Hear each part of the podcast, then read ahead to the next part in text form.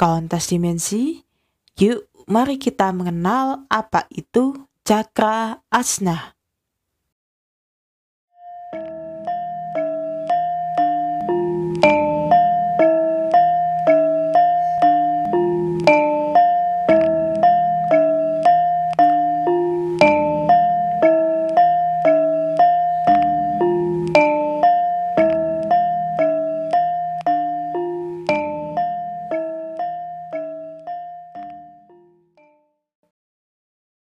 Wah, ini dia nih yang ditunggu-tunggu ya, pembahasan tentang cakra asna atau mata ketiga. Dan tentunya ini sudah banyak sekali yang membahas, yang menyebutkan juga, cuman sayangnya hanya menyebut pada satu fungsi, padahal fungsi dari mata ketiga atau cakra asna ini luas ya, kauntas dimensi.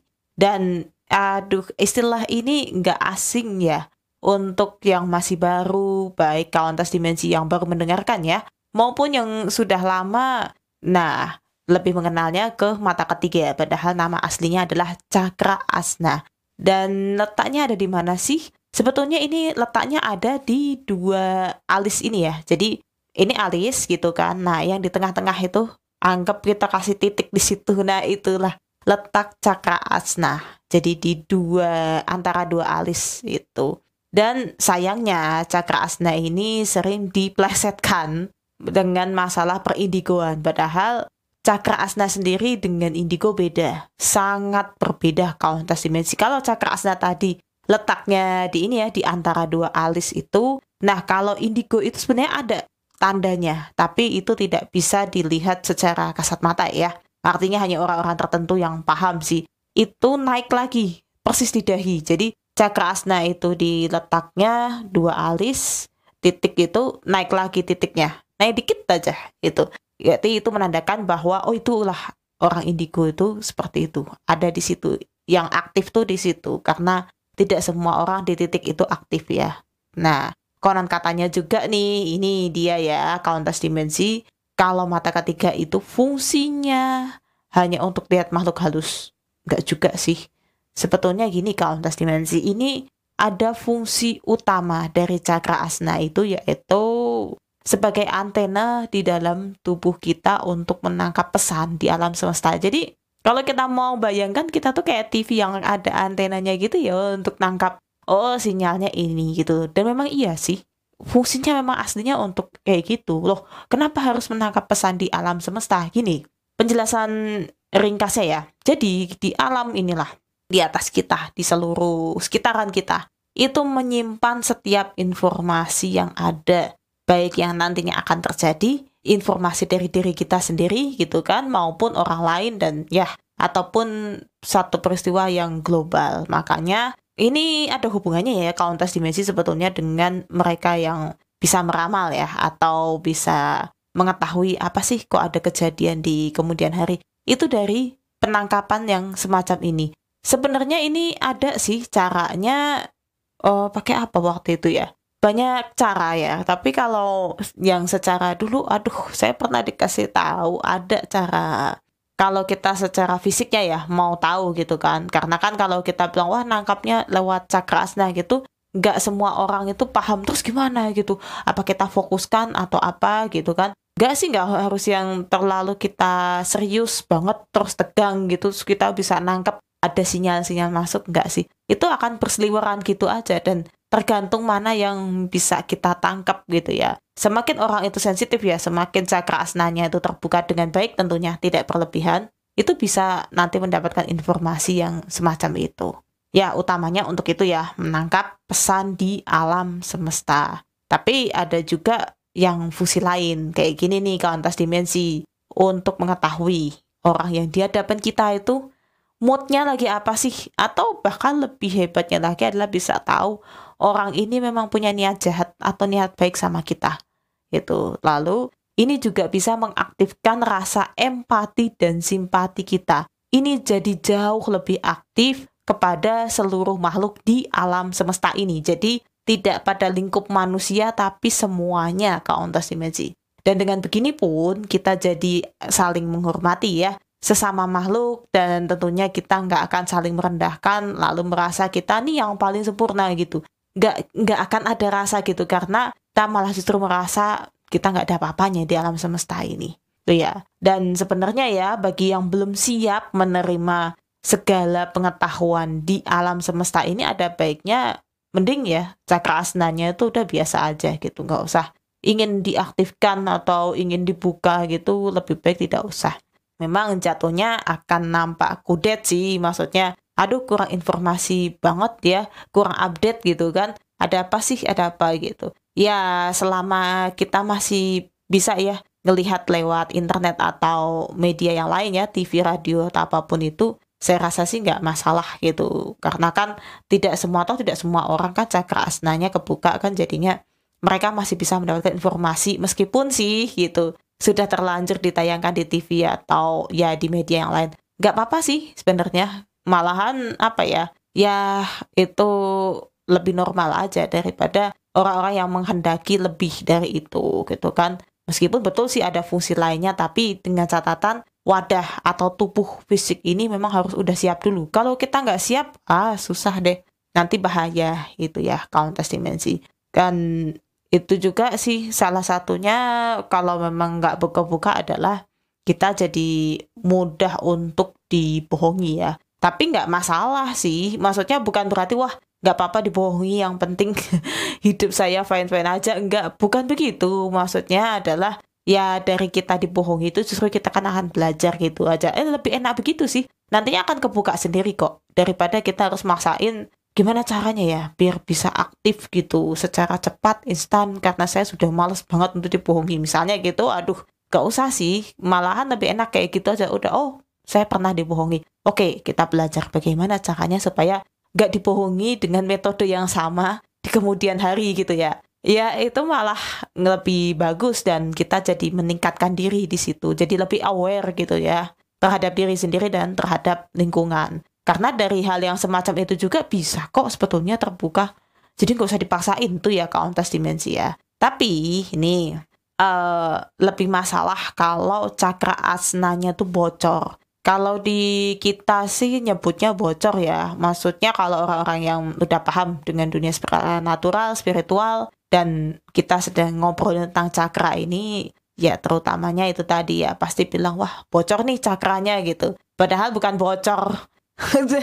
bocor yang meluber gitu bukan ya. Maksudnya adalah bocor di sini energinya itu terlalu besar, tetapi secara fisik kita belum mampu. Belum mampu ya belum mampu untuk menanggung itu. Nah, itu yang sangat berbahaya karena uh, bukan apa-apa akan menimbulkan kesan di mana wah kita jadi tahu segalanya gitu ya. Apa yang belum terjadi kita udah tahu duluan. Wah, si ini bakal mengalami ini duluan, si anu bakalan ini. Awalnya kita akan seneng gitu dengan hal-hal yang semacam itu. Tetapi makin lama ini akan melahirkan sebuah ilusi gitu kan yang akan menampakkan seolah-olah bahwa kita tahu berita itu duluan. Padahal apa yang ada di dalam semesta ini tidak semestinya itu berita yang memang benar-benar valid ya. Terkadang ya, ini terkadang ada berita yang memang sih harus butuh difilter dulu gitu. Jadi kalau kita bilang ini tuh kasarnya di alam semesta itu kasarnya. Nah, sebetulnya fungsi mata ketiga selain menangkap harusnya dia bisa memfilter dulu. Begitu ini masuk di filter, oh ini harus saya sampaikan atau cukup untuk saya simpan sendiri. Oh, ini baiknya gimana pengolahannya? Oh, ini baiknya berita ini gimana? Jadi kayak gitu kauntas dimensi. Jadinya kalau yang itu yang normal ya, maksudnya gitu. Tapi kalau semisal itu bocor gitu, nah fungsi saringan itu nggak akan bagus gitu. Jadinya semua masuk gitu. Kayak apa ya? Kayak anak kecil yang inget kan kalau dia di tahapan tertentu kan disebut sebagai spons gitu kan karena dia menyerap segala ilmu pengetahuan yang ada di sekitar dia misalnya dia melihat orang tuanya pemarah ya dia pun akan jadi pemarah melihat ya maaf uh, apa kakaknya itu mungkin nakal ya nantinya dia akan jadi nakal juga gitu. Itu seperti itu gitu kejadiannya ya. Jadi lebih mudahnya sih kayak gitu.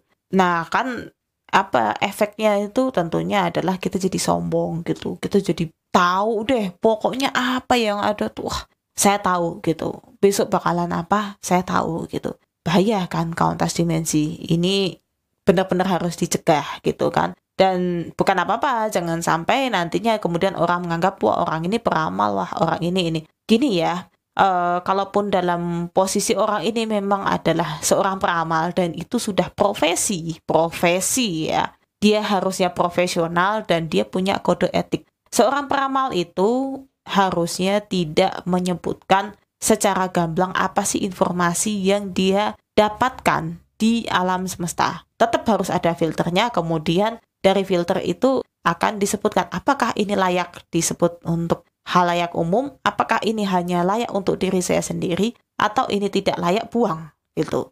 Jadi ada filternya yang semacam itu dan mereka sudah paham bagaimana menjalankan filter itu.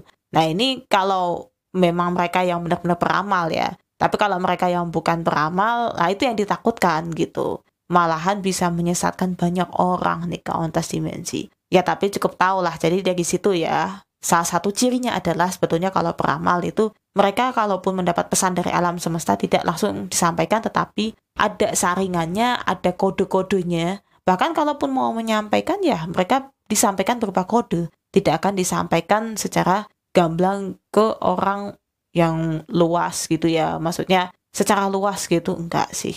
Tuh kauntas dimensi. Nah, Membuka cakra asna secara paksa memang tidak saya sarankan sama sekali meskipun wah bisa datang ke pak ini, pak itu atau bu ini, mbah ini ya jangan deh gitu ya. Dan sekalipun memang ada sebetulnya caranya melalui meditasi. Tapi begini ya, kadang kan kita salah uh, persepsi juga bahwa meditasi berarti untuk membuka segalanya enggak sih. Maksud dari meditasi itu kan sebenarnya untuk berlatih ya, melatih diri kita agar bagaimana caranya supaya energi yang ada di dalam cakra ini imbang, bukan untuk membuka. Kalau memang itu sudah tidak terbuka ya sudah gitu ya. Ya maksudnya nggak mungkin itu tidak terbuka sama sekali mampet dong. Itu aliran energinya ke mana ada sih sebetulnya terbuka sih, cuman tidak luas gitu terbukanya tuh ya hanya untuk sekedar mengalirkan energi kalau itu nggak terbuka ya mampet ya kita jadi nggak bisa mikir ya cakra asnat ketutup tuh kita jadi susah belajar juga Padahal kita kan di dalam hidup butuh namanya ilmu pengetahuan ya, kalau lintas dimensi. Dan itu, jadi jangan sampai keliru bahwa wah meditasi itu untuk membuka nanti semua titik-titik cakra. Ya, yang disampaikan benar gitu, cuman tidak seperti itu loh yang terjadi. Itu. Jadi ingat loh ya, sekali dibuka, ke cakra asna ini nggak bisa ditutup gitu. Nah itu yang berbahaya. Kalau nggak siap, ya bisa stres karena semua yang ada itu bisa masuk ke dalam tubuh kita. Itu stres karena itu tadi ya nggak mampu tubuh itu menampung apa sih sebetulnya informasi yang ada dan bertebaran. Karena kalau sudah kebuka itu nyedot gitu.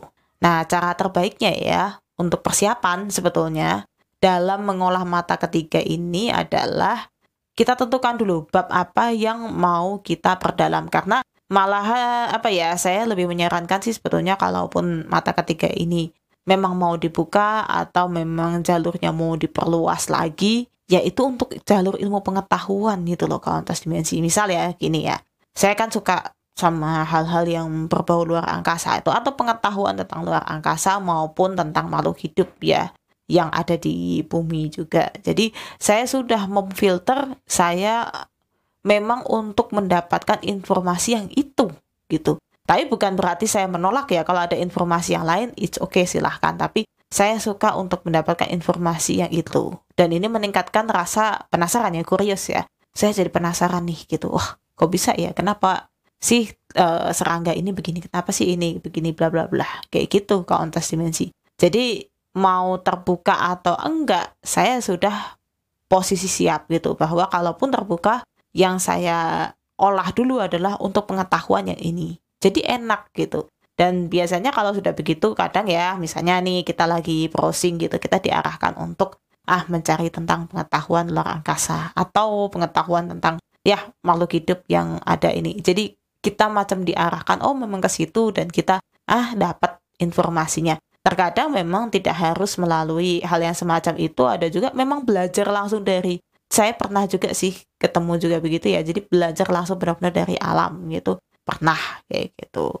Dan kalau selebihnya memang saya tidak terlalu membutuhkan itu ya kan bisa kena filter itu tidak dibutuhkan gitu. Jadi masuk ke bagian yang tidak dibutuhkan. Anda ya manusia di bumi ini kauntas dimensi mau memanfaatkan mata ketiga atau cakra asna ini dengan baik ya yakin kok sebetulnya manusia itu jenis-jenis semua di bidangnya. Cuman balik lagi ya karena itu tergantung dari setiap individunya ya nggak bisa dipaksakan. Dan sayangnya ya kita sendiri khususnya di sini yaitu kita masih terjebak sama anggapan mistis dan mistik tentang cakra asna yang itu tuh cuman buat apa ya bisa melihat masa depan masa lalu. Kemudian itu tuh cuman bisa buat melihat makhluk yang tak kasat mata. Udah sampai di situ. Titik. Kita kan jadi nggak berkembang gitu ya. Dari segi ilmu pengetahuan ini maksudnya. Makanya di episode ini tadi gitu kan kita ulas. Sebenarnya secara singkat sih ya. Oh, jadi tahu bahwa sebenarnya manfaatnya itu lebih dan lebih. Bukan hanya sekedar wah bisa lihat di pojokan tuh ada ini aduh gak penting banget ya.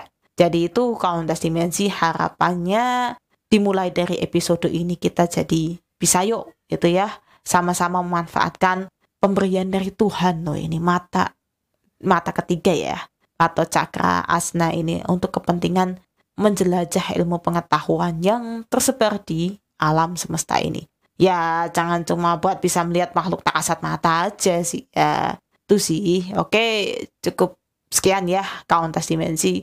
Terima kasih sudah mendengarkan episode kali ini dan salam semesta.